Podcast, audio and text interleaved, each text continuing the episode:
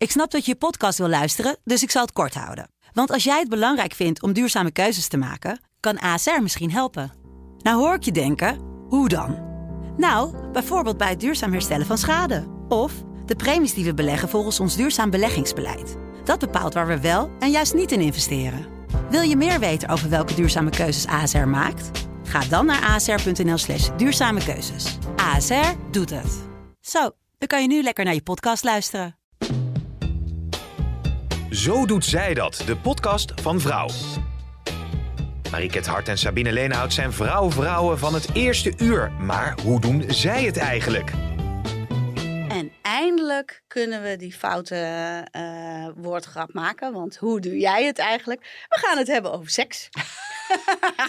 Eindelijk, denkt Sabine, hebben we het een keertje Hebben we het een keer over iets waar ik wel Want wat vanaf weet. Sabine, jij wordt altijd de sekspert van vrouw genoemd. Nou, inderdaad. En dat vond mijn moeder toch stom. Oh ja? Waarom?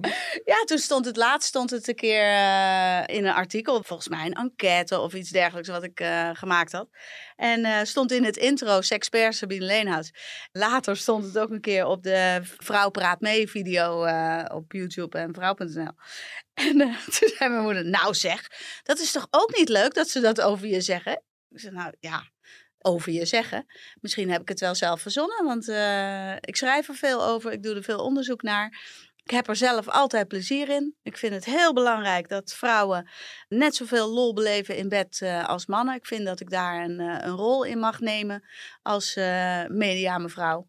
Dus nou, ik ben wel trots op deze Hoe kom je eigenlijk aan die naam? nou, omdat ik er inderdaad wel veel over schrijf en er geïnteresseerd in ben. Mhm.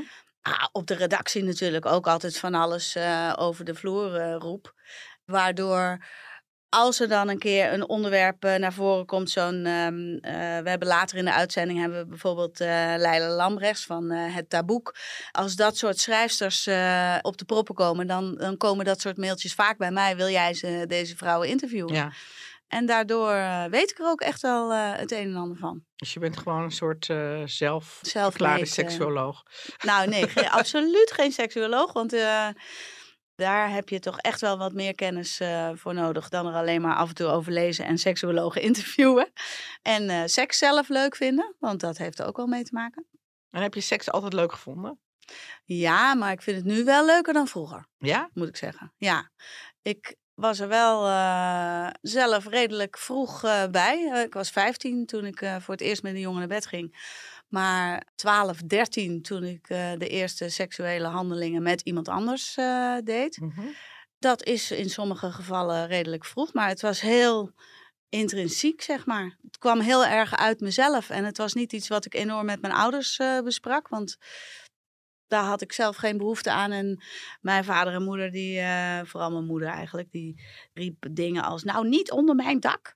Ja, dat herinner ik me wel. Waarop ik dan dacht, nou ja, dan doe ik het toch gewoon in de bosjes, weet je. Ik, eh, ik wilde dat gewoon zelf wel.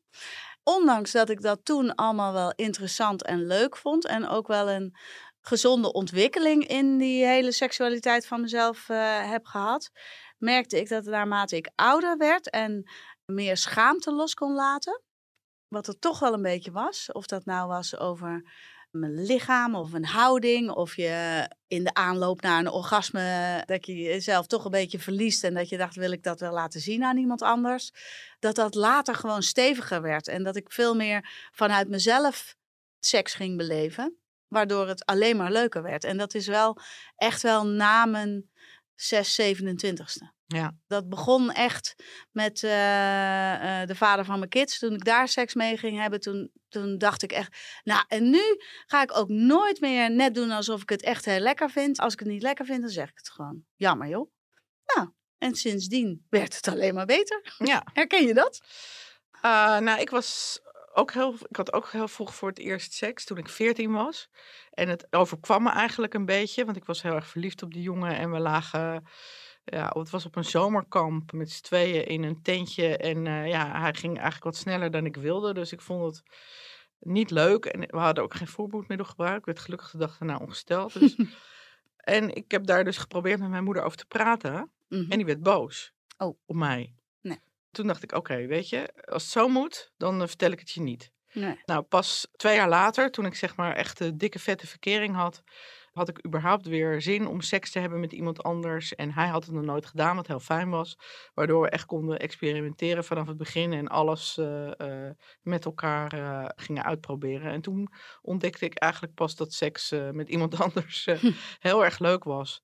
En ik heb dat later met mijn eigen kinderen wel anders proberen te doen. Maar ik merk wel dat ik met mijn zoon, die ook heel open is uh, over seks, veel, er veel meer over praat dan met mijn dochter. Oh, wat leuk. Oh, wat grappig. Ja. ja, andere mm, mensen in mijn omgeving die, die vinden dat ik um, heel open met de kinderen over seks praat. Misschien wel te open. Ja. Um, maar ik ga het natuurlijk nooit met mijn kids hebben over de daadwerkelijke gevoelens. Nee, ik ook niet. Maar ik vind het juist in deze tijd dat ik het misschien nog wel belangrijker vind om met jongens over seks te praten dan met meisjes. En zeker omdat ik weet dat mijn zoon nogal wat wisselende contacten heeft, eh, zullen we maar zeggen. Ja. Dat ik ook gewoon echt ook wel eh, met hem over praat. Dat hij echt respectvol met meisjes uh, om moet gaan. En geen dingen moet doen die zij niet leuk vinden. Of uh, het over, überhaupt over vrouwelijke seksualiteit met hem heb. Ja. Daarover. Ja, zeker. En wat ik met mijn dochter uh, uh, gedaan heb en doe, is dat ik haar heel bewust maak van haar recht op haar eigen seksualiteit. Ja. Dus dat het, het, zit er zo ingebakken bij onze generatie en zelfs, uh, nou, ik denk dat de dertiger van nu er ook nog wel last van heeft, doordat er te veel porno gekeken wordt of dat er ook in romantische films en zo, dat er uh, het voortdurend lijkt dat het uh, orgasme van de man altijd aanwezig is. Mm -hmm. En dat die vrouw uh, sowieso heel gemakkelijk na drie keer stoten zelf klaarkomt. Ja, en dat dat gewoon... altijd tegelijkertijd. En altijd tegelijkertijd. nou, ik kan je vertellen, in de zeven jaar dat ik nu met Maarten doe, ik denk dat ik tien keer tegelijkertijd met hem, en we doen het veel hoor, maar dat het in al die keren tien keer is gelukt. Nou, ja. dat, is, dat is echt verwaarloosbaar. Dat is gewoon bijna niet mogelijk. Dan moet je echt wel net goed kienen. ja. Nou, ja. Maar goed, mijn punt is dat meisjes en vrouwen heel vaak denken... nou ja, als die man dan klaarkomt, dan is de seks afgerond. Nou, why? Van iedere seksuoloog eh, die je spreekt, die zal je vertellen... als de beloning tijdens de seks voor jou iedere keer minimaal is... dan op een gegeven moment heb je er geen trek meer in. Ja. Dan denk je, ja, pff, ik werk me helemaal uit de naad... Het zijn wel lekkere workouts, maar het zijn wel workouts. En als jij daar helemaal geen uh, plezier meer aan beleeft en hij alleen maar bezig is met uh, uh, zijn genot, nou, dan heb je er op een gegeven moment geen zin meer in. Nee. En dan, uh, helaas, als de overgang dan ook nog erin kikt. Ja, je wil het er niet over hebben, maar het gebeurt wel. En je hebt wat minder zin, dan bloedt zo'n relatie seksueel dood. En dat moet je voorkomen. Oké, okay. misschien moeten we even met de seksuoloog uh, daarover bellen. Oh, dat is een goed idee. Ja, we hebben een afspraak met Leila Lambrecht. Zij heeft het taboek geschreven over alle taboes rondom seksualiteit.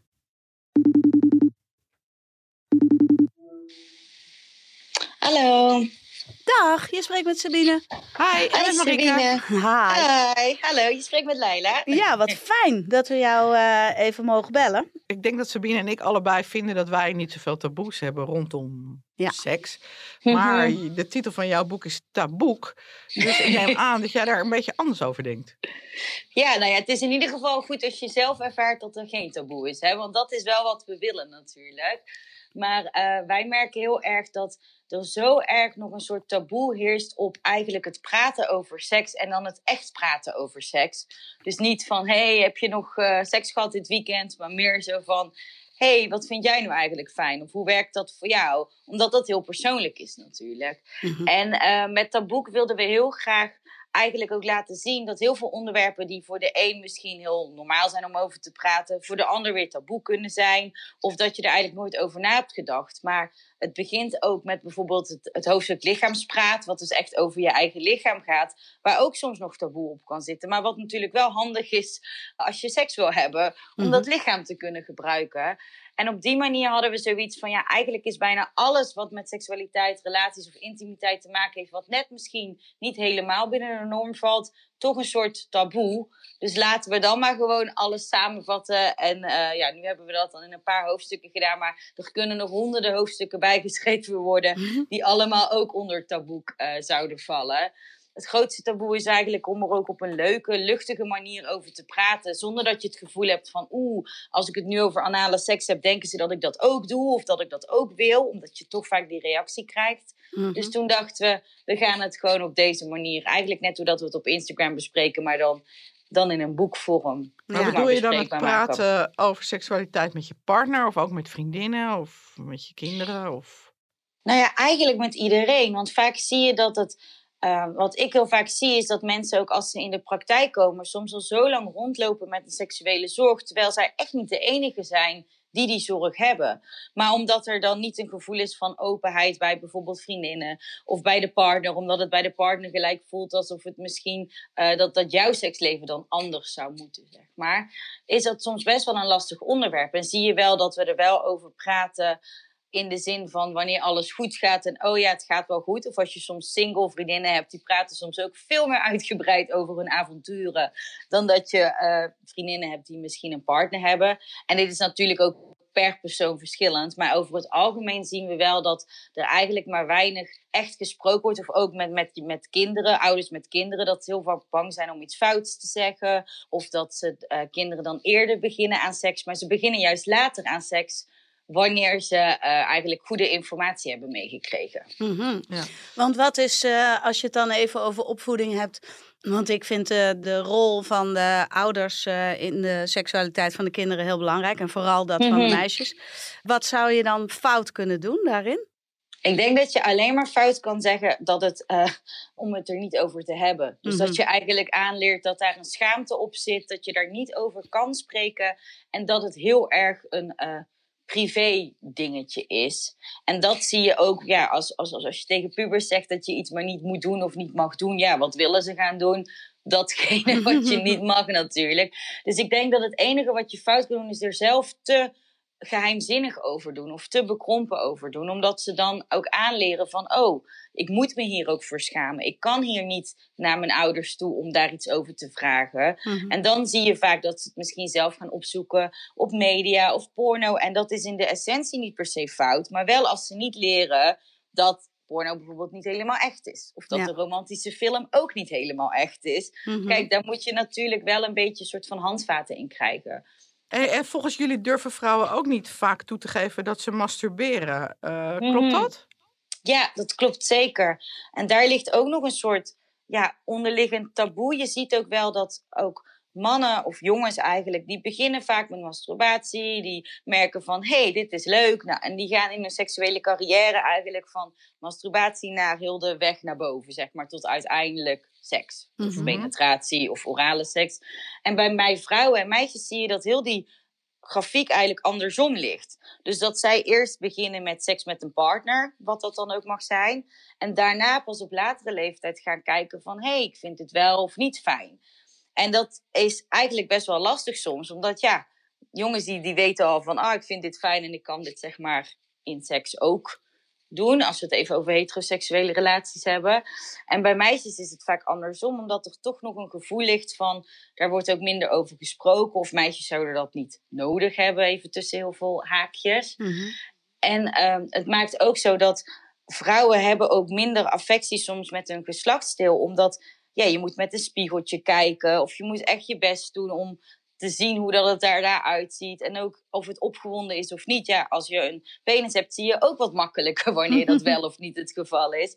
En daarin zie je dat dat toch een dingetje blijft. Waar het, ik denk ook een, misschien soms een beetje maatschappelijk, dat het dan toch gedacht wordt van arme vrouwen hebben daar minder behoefte aan. Of het is niet zo belangrijk voor vrouwen. Waardoor je dus ook ziet dat vrouwen pas op latere leeftijd gaan zeggen: hey, stop. Dit is misschien wel belangrijk, want ik wil ook weten wat ik fijn vind. Of hoe dat ik op een goede manier seks kan hebben. Of op een fijne manier. Jongens, die moeten natuurlijk vanaf hele jonge leeftijd... zijn ze gewend om hun geslachtsdeel vast te pakken. Ja, Ik, kan, me- inderdaad. ik kan me herinneren dat mijn zoontje drie was... en dat hij al zei, ik heb een hele mooie pimo. Ja.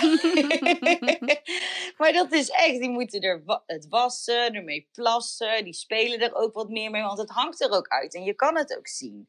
En je ziet ook wel dat, dat meisjes ook wel met de handen naar de vulva gaan. Alleen dat is toch net wat anders. Omdat ja, je hoeft die niet per se aan te raken. En je hoeft die al helemaal niet te zien als je daar helemaal moeilijk met een spiegeltje moet gaan zitten. Dat doe je ook niet als je drie jaar bent natuurlijk. Nee, nee, nee. Nou, grensoverschrijdend gedrag is natuurlijk Mhm. heel erg in het nieuws. En eh, de zogeheten dickpics. Hoe kijk jij daar tegenaan? Ja, ik vind het heel lastig dat dat zoveel mensen dit moeten ervaren. Niet alleen vrouwen, want het gebeurt ook naar andere mannen toe, denk ik. Maar ehm, ik vind het heel lastig dat er vaak wel heel veel aandacht besteed wordt aan wat voor invloed heeft het of hoe slecht het is, maar dat er weinig aandacht wordt besteed hoe dat we dat dan wel op een goede manier kunnen aanpakken, zeg maar. Voordat we wel beter leren hoe dat we die grenzen wel of niet aan kunnen geven.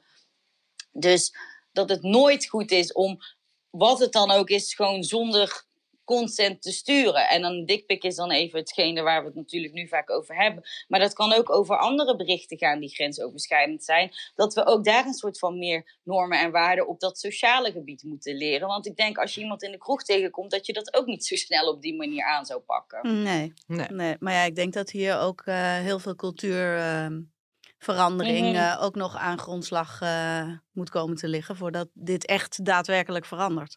Ja, Ja. en dit is ook weer zo'n puntje wat ik net ook zei met die voorlichting dat het vooral negatief is natuurlijk. Hè? van, Mhm. van doe het maar niet. Dat is dus ook een beetje met die, met die sexting en met die eh, grensoverschrijdend gedrag daarin en consent. Dat het wordt altijd heel erg in dat negatieve gelegd. Terwijl we kunnen consent ook bekijken als iets positiefs. Omdat wanneer iemand een grens aangeeft en ergens wel of geen consent aangeeft, dan kan je wel die grenzen respecteren en ervoor zorgen dat je er niet overheen gaat. Ja, dat lijkt mij een fijnere boodschap om te weten dan iedereen kan over je grenzen heen gaan, zeg maar. Mhm. Ja. Ja, En klopt. Dat zijn wel, denk ik, insteken. Ook bijvoorbeeld met sexting zie je ook dat 80% van de jongeren, wanneer het dan wel met consent natuurlijk is, sexting als iets super positiefs ziet. Mhm. Terwijl, welke verhalen horen we? De verhalen wanneer er een foto bijvoorbeeld door iemand gehackt is of iets. En dat natuurlijk veel negatieve gevolgen heeft. Dat is hetgene wat we horen in de media. En dat is ook heel erg. ja, maar maar is dat, ook een kant die het wel positief ervaart. Ja. Ja, maar dan heb je inderdaad ook vaak te maken met een eh, verstoorde machtsverhouding. En eh, dat zijn ook weer twee verschillende dingen. Laten we het maar ophouden dat eh, onze jeugd in de huidige beeldcultuur, dat ze maar lekker veel sexting doen. Want zolang het voor allebei de kanten heel gewoon blijft, weet je er tenminste mee om te gaan, Ja, denk ik. Nou ja, en sexting is natuurlijk ook het, het berichtjes en daarin met die emoties en zo werken. Dat kan ook al een vorm van sexting zijn. Mhm. Waardoor je nog helemaal niets van jezelf verder blootgeeft. Maar wel op een leuke manier elkaar zou kunnen teasen. zeg Prikkelen, maar. ja. Ja. Ja, duidelijk. Nou, Leila, er is mij weer een heleboel duidelijk Ja, geworden. dankjewel voor je inzichten. Geen dank. Fijn dat je even tijd voor ons had en ehm, wellicht tot een volgende keer. Dankjewel. Dag. Doeg. Nou, het was mij niet zo eh 100% duidelijk dat het een van de grootste taboes praten, daadwerkelijk praten over seks is. ik heb het gevoel dat het veel meer weer een taboe aan het worden is of zo op de een of andere manier. Ik zag bijvoorbeeld laatst op Facebook zag ik dat een lezeres schreef dat haar kinderen haar niet naakt mochten zien. En toen Oh. dacht ik, oh, ik zag mijn ouders ook naakt. En blijkbaar zijn we zo aan het verpreutsen dat dat eh, niet meer mag. Nou ja, nou koppel ik naakt en seks niet per se aan Nee, elkaar. ik ook niet. Maar ik denk wel dat als je niet eens het lichaam kan zien van je ouders, dus ook niet weet hoe dat eruit gaat zien als je ouder wordt, Ja, ja, in plaats van dat je alleen maar doet met de perfecte plaatjes van Instagram, ja. dat het denk ik ook wel goed is om eh, te weten ja, hoe, eh, hoe het lichaam van iemand eh, is die niet meer zo strak is. Ja, ja. En wat ik wel ook merk is dat het, als je dan hebt over het versturen van, waar we het ook net over hadden, het versturen van naaktfoto's, als daar ook een enorm taboe op zit van dat de kinderen dus vreselijk worden gepest, want er gaat een naaktfoto van jou in omloop, dat ik denk van ja, als jij denkt van ja, maar nou, what the fuck, dat het je ook minder schaadt. Mhm. Ja, daarom dat ik zei, eh, laat die kids maar lekker met elkaar eh seksten. Hoe meer het in de openheid is, hoe minder eh, beladen het wordt. Zeker in onze maatschappij. Daar hoeft helemaal niet zoveel schaamte eh, meer te zitten. En eh geloven is ook niet alles bepalend. En, Nee, ehm, maar ja, ja. bedoel, als ik dan eh, Stella Bergsma weer met de Sorry voor de Tieten documentaire, ik weet niet of je die hebt gezien. Nou, ik heb hem nog steeds niet gezien. Ik wil, maar ik wil Ja, hem graag ja, dat zien. is echt wel interessant. Ja. Maar ook inderdaad de berichten die zij op social media daarover krijgt. Al is het alleen maar dat je 50-plus borsten niet mag laten zien omdat ze een tikje hangen. Ja, dat gaat helemaal nergens op. Nee. over. Maar ook dat is weer eh, niet 100% gekoppeld aan seks. Hè? nee dat het is waar. wel aan, aan eigen seksualiteit eventueel, en dat is wat Leila natuurlijk in het begin ook zei, dat je eerst wel heel duidelijk voor jezelf moet hebben hoe je eigen lichaam in elkaar zit, een, uh, een, een, bepaalde vorm van zelfliefde ook hebben, dat je uh, daardoor ook uh, meer op ontdekking durft te gaan Mhm. met je eigen lijf. Dat is wel de basis natuurlijk van fijne seks. En dat is wat ik zelf net bedoelde, dat naarmate ik ouder word, dat ik een leukere seksbeleving heb, helemaal 100% voor mijzelf. Omdat ik mijn eigen lichaam beter ken, maar ook het los durf te laten dat het ook iets heel individueels is. Want dat vergeten sommige mensen wel eens, denk ik. Dat als je samen seks hebt, dat het dan. Iedereen heeft dat romantische idee dat het heel erg. Uh, dat je uh, verdrinkt in elkaars ogen. En dat jouw geiligheid en zijn geiligheid. dat dat elkaar zo ophitst. En dat het daarom zo lekker wordt. Maar op een gegeven moment wordt het wel een stukje individueel genot. Wat je wel moet durven te claimen. Mm -hmm. En vrouwen durven dat vaak niet. Nee. Die denken dan, oh jeetje, het duurt allemaal te lang. Ja. Hij is me nu al twintig uh, minuten aan het beffen. Weet je, oh jee, nou hij zal wel uh, doodgaan van ellende. Laat maar. En, uh, of ze gaan dan faken. Dat is natuurlijk ook best wel erg. Wij hebben meerdere enquêtes gehouden onder onze lezeressen. Online lezeressen moet ik er wel bij zeggen. Waarin toch naar voren kwam dat 80% wel eens een orgasme gefaked heeft. Ja. Dat vind ik pittige cijfers. En ik kan me, ik heb dat vroeger ook wel eens gedaan. Dan dacht ik, oh, pff, get over it. Weet je, ik heb er gewoon geen, even geen zin in. Als hij dan denkt dat ik klaargekomen ben, dan uh, komt hij ook en dan is het over en dan. Ja, en dan kan ik gaan slapen. En, Misschien is dat wel toch een goede, want dit heb je al een paar keer benoemd, om even te gaan naar het taboe. Het zo doet zij dat. Taboe. Wat is volgens jou het taboe? Geen zin hebben. Je hebt het zelf al een paar keer benoemd. Mm -hmm. Ik heb ook wel een periode gehad dat ik uh, uh, weinig zin had in seks. En dat was met name toen de kinderen heel klein waren. Mm -hmm. Weet je wel, dat, dat je dan met twee hele kleine kinderen en een hele drukke baan, of allebei een hele drukke baan, plus het huishouden, plus alle sociale dingen, plus nou, sporten, dat seks eigenlijk een beetje onderaan uh, de begroting kwam. Omdat je dan denkt van, nou weet je, als ik in mijn bed lig, dan wil ik gewoon slapen. Ja. En ik moet heel eerlijk zeggen dat wij daar toen ook wel op een gegeven moment ook gesprekken over hadden. Van ja, weet je, dat Jeroen ook zei, ja, maar zo vind ik de relatie niet meer zo leuk. Nee. En dat ik ook dacht, van, dan hebben we het weer over dat je dingen met elkaar moet bespreken. Dat dat ook heel goed is. Want ik denk echt dat het vaak voorkomt in relaties dat een vrouw tijdelijk geen zin heeft. Om wat voor reden dan ook. En dat een man misschien dan uiteindelijk wel om zich heen gaat kijken naar andere vrouwen. En dat dat je relatie kan kosten. Ja. En dat ik denk dat het beter is om het te bespreken. Maar Jeffrey, die zei onlangs in zijn column in de krant, dat je het ook kon zien als een klusje. Seks is een klusje en dat klusje kun je ook af en toe gewoon even uh, doen. doen. Door hem bijvoorbeeld met de hand te bevredigen. Hoe kijk je daar tegenaan? Nou, zodra seks voor mij een klusje wordt, dan stop ik er helemaal mee. Echt. Ik denk dat als die vrouw even wat minder zin heeft, en jij hebt er wel zin in en jij hebt zin in die vrouw ook, dat je als man gewoon wat meer moeite moet doen.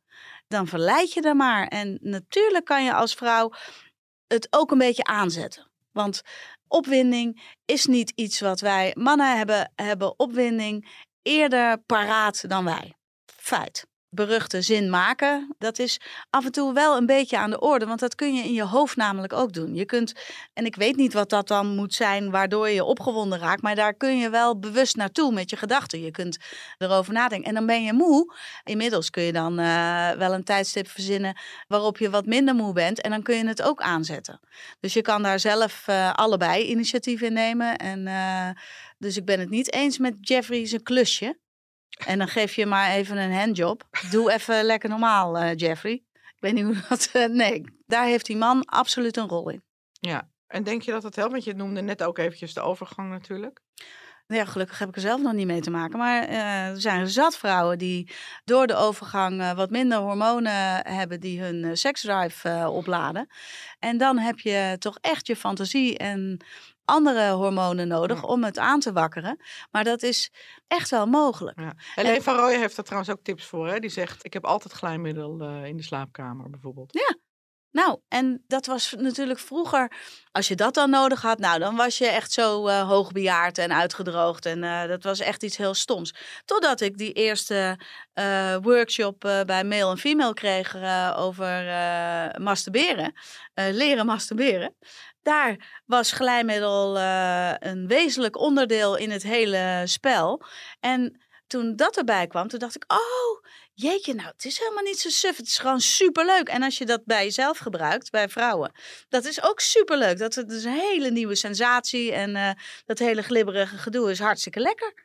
Dus eh, wat, wat zitten we moeilijk te doen? Dat je het Gewoon- nodig, dat je, het het moet integreren. gebruiken. Ja, je moet het gewoon sowieso. Het is fijn om het eh, sowieso te integreren in je, in je hele seksspel. Nou, Ja. goede tip. Ja. Ik ben trouwens ook heel benieuwd hoe mannen daarnaar naar kijken. In Ja. de rubriek Zo doet hij dat laten we de man aan het woord.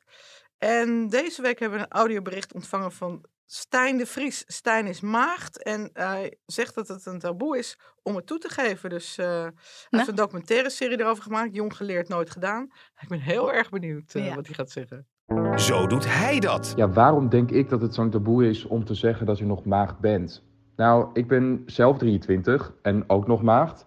En als ik dat toegeef, dan kreeg ik echt de raarste reacties. Kijk, nu heb ik het toegegeven op het internet, dus eh, mijn, mijn kringen weten het nu allemaal wel. Maar toen ik dat nog niet had gedaan en mensen het vertelden, zeiden ze, huh, maar je bent toch gay en je woont in Amsterdam en je bent, eh, weet je, je bent niet lelijk. Dus hoe kan het dan dat je, dat je nog geen seks hebt gehad? Iemand anders die geloofde me niet, die, die zei, ik dacht echt dat je half Amsterdam hebt afgewerkt.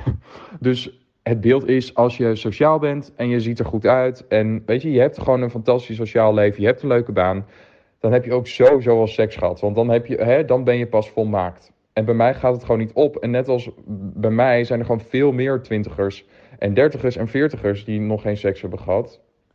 Dat is een taboe, omdat mensen verwachten dat als je 16 of 17 bent, dan heb je sowieso seks gehad. Dat is dan met je vriendje of vriendinnetje. De eerste keer is super spannend, het is stuntelig, maar dan ben je er vanaf tussen haakjes en dan weet je wat seks is en ben je ontmaagd. Maar voor heel veel mensen eh, gaat het gewoon niet op. Dus ik kwam er ook achter dat met mij, jongens van rond mijn leeftijd, dat een kwart ook nog steeds maagd is. Dat vond ik tenminste echt ongelooflijk veel, want ik hoorde bijna nooit iemand anders die ook toegaf maagd te zijn. Dus daarom wilde ik die serie maken om een ander beeld van maagdelijkheid te scheppen en te laten zien dat je niet een 40-jarige man die nog in de kelder van zijn moeder woont, hoeft te zijn om maagd te zijn. Dat is het beeld wat heel veel mensen erbij hebben.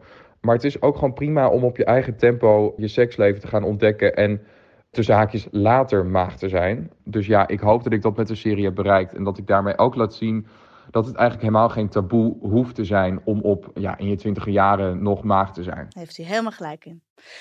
Ja, eh, op je eigen tempo. Ik kan me wel voorstellen dat er een beetje schamper over gedaan kan worden. Zeker omdat je, als je 16, 17, 18 bent, dan zijn die hormonen natuurlijk, die gieren door je lichaam. En dat is bij al je leeftijdsgenoten. Dus het is helemaal niet zo raar dat je in die leeftijd met elkaar eh, experimenteert. En als dat dan niet gebeurt, ja, daar zullen dan oorzaken voor zijn. En eh, wellicht heeft opvoeding daar hier en daar nogal eh, eh, invloed op ook. En, Maar en jongeren hebben later seks hè, dan vroeger. Ja? Steeds later. Oh, hoe, Dus- kon- hoe zou dat dan komen? Misschien omdat ze kritischer zijn. Van, nou ja, wie, wie is er voorhanden of met wie begin ik een relatie? Ja, ja, ja. Misschien toch ook door de toegenomen preutsheid, ik weet het niet. Ziektes? Nou, Ja, die waren er in onze tijd ook. Ja. Ik bedoel, aids eh, eh, begon, eh, begon toen. toen. Dus Ja. was het ook niet echt dat je nou dacht van... Dat vond ik wel jammer hoor. Hè? Eind jaren tachtig, dat ineens kon je doodgaan van seks. Ja. Vond ik echt helemaal niet leuk. Nee, dat was ook, eh, dat was ook heel beangstigend. Heb je die serie It's a Sin gezien? Ja. Oh, fantastisch. Maar Ja. wat heftig, hè? Ja, ontzettend. Ja, Ja, nee. dat het zo in de doofpot ook ging. eh, ja nee, maar dat is sowieso natuurlijk jammer dat je van seks eh, hebben ook ziek kan worden. Ja. Heb jij, jij bent la- je hebt lang verkering. Ja. En is daar seksueel gezien veel in veranderd? Vergeleken met helemaal in het begin? Tuurlijk, ik bedoel, in het begin, als je elkaar net kent, dan eh, nou ja, eh, konden we er geen genoeg van krijgen. Dan bespring je elkaar eh, Ja, elke dag en meerdere keren per dag. Wat ik zei, we hebben een beetje een dip gehad in de periode dat de kinderen heel, Heel klein waren. Nu zijn de kinderen allebei de deur uit. En moet ik zeggen dat onze relatie is eigenlijk nog nooit zo goed is geweest. Oh. We hebben het gewoon heel erg eh, eh, gezellig met z'n tweeën. eh, we doen heel veel leuke dingen. En, ja, en dat, dat uitzicht dan ook gewoon in een goed seksleven. Wat ongetwijfeld minder bruisend is dan het, dan het in het begin was. Ja, ja, ja. Ja. ja, want het wordt ook niet meer, inderdaad niet meer beperkt tot alleen nog maar in die avonden. Voorheen eh, kwam iedereen eh, de woonkamer binnenlopen. Ja. Of, eh, weet je, Ja, maar er moest, moest er ook van alles, weet je Ja. wel. Moest het hele weekend naar voetbal en hockey en weet ik veel dat. wat allemaal gereden En je moest worden. een beetje stil zijn. En, en je moest stil zijn natuurlijk. Nou, met die pubers, die, die gingen op een gegeven moment later naar bed dan wij. of die konden ook gewoon zomaar de kamer binnenstormen. Ja, Ook de slaapkamer hoor. ja.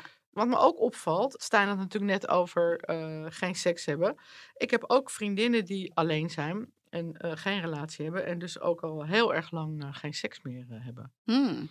ja. En die dat dan ook wel missen. ja. En dan heb begrijp ik de ene vriendin die gaat op eh, Tinder en die eh, beleeft woeste avonturen. Maar de ander heeft ook uit angst voor ziektes of wat dan ook, die durft dat dan niet zo goed. En die heeft dan al jaren geen seks. Ja, ik vond die oplossing van die Tarja Meijers, die vond ik fantastisch. Die vrouw die, die ging, die heeft ook een boek geschreven, Single in de Parenclub heet dat. Zij zei, ja, ik heb jonge kinderen. Ik heb geen zin om mannen mee naar huis te trekken. Want ik weet helemaal niet of het een relatie wordt. Ik wil mijn kinderen daar niet mee confronteren. Dus die regelde eens in de zoveel tijd een oppas. En die ging dan naar een parenclub in haar eentje.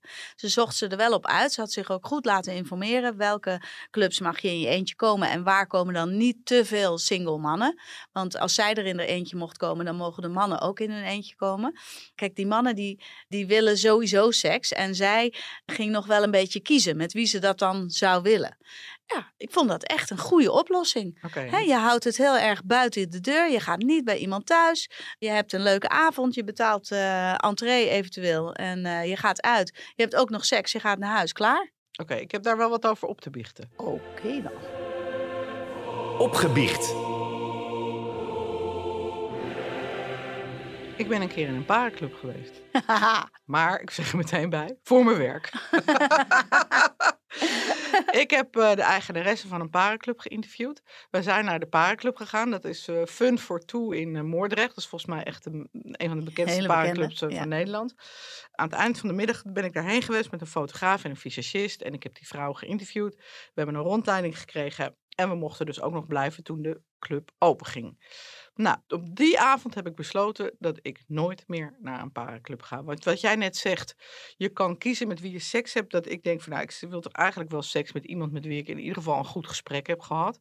En niet eh, dat ik denk, nou ja, die ziet er lekker uit, die ga ik bespringen. Dat, dat vind ik dan toch too much. Maar ook gewoon, oh, het, het, ook gewoon het soort mensen dat er kwam. Dat, beetje oordie Mhm. vond ik het toch wel, niet allemaal. En eh, op een gegeven moment mocht ik dan. eh, eh, oh, die, die vrouw die belde mij smiddags, die eigenaresse, op de. Toen was ik al op de redactie. Ik ging vanuit de redactie daarheen. Toen zei ze: Ja, hallo, heb je wel een beetje kleine kleurtjes aan? en ik, kleine kleurtjes. Ja, kleine kleurtjes. Nee, ik had, heel, ik had gewoon een kleur aan. En ik ben ook niet meer naar huis gegaan om me om te kleden. Maar in ieder geval, eh, toen we daar waren, toen eh, kreeg ik een rondleiding en toen mocht ik, eh, mocht ik de condooms uitdelen. Dus ik had een Mm. rieten mandje met condooms. En ik ging daar in een kamer een naar binnen. bloemenmeisje. Ja, en er lag een vrouw met haar benen wijd in een sling. Nou ja, en toen zag ik ook voor het eerst in mijn leven, zag ik andere mensen het doen. Aha. Dus ik zag die witte billen van die man, zag ik tekeer gaan. En die vrouw, die zei tegen mij, nou, dat werd wel eens tijd. En ik dacht echt, nee. Dit was eh, wel een beetje jammer, want ik denk dat heel veel mensen toch denken van, nou, hoe zou het zijn? Ja. En ik vond het, eh, ik was teleurgesteld. Ik vond het Oh. een afknapper. Dus ik begrijp Tarja, maar het zou voor mij niks zijn. Nee. Nee, ik weet ook niet hoe ik ga op eh, mensen die ik helemaal niet aantrekkelijk vind. Ja. Ik kan wel gewoon seks hebben met iemand waar ik geen gesprek mee gehad heb. Het interesseert me helemaal niks. Ik heb ook wel een opgebicht. Ik heb echt de meest afschuwelijke voor die vrouw dan. Ik heb echt zo'n gênante wip ooit gehad. Eh, ik werkte als stewardess en ik was in eh, Mexico. En ik had al een, eh, een paar dagen met mijn collega's aan het zwembad gelegen. En ik had een kerel gezien. Echt zo'n lekkere Amerikaanse jock, weet je wel. Zo'n grote vent, echte sporter. Maar die was daar met zijn bruid en de schoonfamilie. Dus ik wist dat hij recent getrouwd was, want uh, we had, ik had al met zijn vrouw uh, uh, en hem een keer zo'n praatje pot gehad. nou, en zij vertelde dat ze op honeymoon waren en ja, hartstikke leuk. Maar het was ik vond het wel een lekkere vent. En ik ga uh, op de dag dat ik terug moet vliegen, moesten wij uh, in de middag melden. En dan kon je nog tot 12 uur even aan het zwembad liggen. En dan uh, ging je je handdoek inleveren. En dan ging je even tukken. En dan moesten we om vijf uur s middags of zo moesten we melden. En dan vlogen we in die nacht vlogen we terug. En ik breng mijn handdoek terug. En die kerel die, die staat voor me op dat moment, per ongeluk. Ik lever het in en ik loop weg. En hij zegt, weliswaar in het Engels, maar uh, doe je niks wat ik ook niet zou doen? En toen zei ik tegen hem, nou ja, ik zou ze wel met je doen. En toen liep ik door. En toen kwam hij dus achter me aan. Hij achtervolgde me naar mijn kamer. En ik dacht, oh holy fuck. Nou, nu zult het hebben. Maar ik vond hem zo lekker. Dus ik trok hem gewoon mee naar binnen. Deed de douche aan, ging onder de douche staan. En hij heeft me geneukt onder de douche. Nou, het was echt zo sexy. En uh, toen dacht ik, nou, bye bye. I have to work. En toen ging hij weer weg. nou, dat was echt zo gênant. Dat ik later dacht, nou, ik, gelukkig dat ik die mensen nooit meer tegenkom. Wat een stoute man. Maar ik vond het ook heel erg opwindend. Jij was ook heel stout. Ik was single toen. Dat is waar. Ik was single en uh, strak. En, uh, en, toen ik dus later zo met me uh, in mijn rode, want ik vloog van Martinair, in mijn rode pak met mijn hoedje en mijn hakken en mijn koffertje zo la la la la, la door die gangen naar de lobby liep. Toen zag ik zijn schoonouders zag ik zitten. Toen dacht ik, oh, jullie moesten eens weten. En het was ondertussen in de pantry terug natuurlijk met mijn collega stewardessen wel een heel mooi verhaal. En dat soort dingen. Doe je zou je dit nog, nu nog doen? Nu met nee, want nu heb ik dikke verkering. Ja? Ik ben helemaal niet uh, een vreemdgaandere type. En daarbij komt dat Maarten en ik zijn weliswaar al zeven jaar bij elkaar. Maar we slapen niet iedere nacht bij elkaar. Dus het is nog steeds iedere keer leuk. En ik doe ook nog steeds, uh, hij ook, maar we doen nog steeds ook moeite voor elkaar. Wat afgelopen vrijdag heel erg mislukte. Zal ik dat ook nog even vertellen? Maarten was lekker skiën met zijn dochter en die zou op vrijdagavond nacht thuiskomen. Ik uh, had, uh, was ook weg geweest en uh, was die vrijdag had gewerkt. dacht, oh, ik ga even gezellig met mijn vriendinnen in Amsterdam ga ik stappen. Lekker borreltje drinken en ik ga met de trein, want dan is het wat voordeliger. Zo gezegd, zo gedaan. Leuk bij de, op de Westerstraat gezeten en nou, na tien liep ik uh, terug naar het station. Ik dacht, nou, dan ben ik een beetje op tijd thuis. En dan ga ik de, kamer, de slaapkamer versieren. En kaarsjes aan. En dan komt hij thuis. En dan ga ik daar helemaal leuk uh, bevallig liggen doen. En uh, hem een heel hartelijk welkom thuis heten. Ik stap in de trein. Ik val in slaap. Word wakker in Bloody Den Helder. Laatste trein gemist. En toen moest ik alsnog uh, mijn telefoon dood. Dan moest ik een taxi aanhouden op straat. En kostte het me 100 euro om weer terug te komen in Alkmaar. Waar ik dan alsnog in de auto moest stappen. En toen was ik om twee uur pas thuis. Maar te dodelijk ongerust. Al helemaal thuis, de auto uitgepakt. Uh, nou, weg, romantisch. Heb je nog seks gehad? Ja, natuurlijk. Nou dan. Toch nog eindgoed al Eindgoed al goed. Nou, ik vond het weer gezellig. Uh, Tot de volgende keer. En als je dit nou een leuke podcast vindt, geef hem dan wat sterren in je favoriete podcast app. Yes. Tot de volgende keer. Doeg.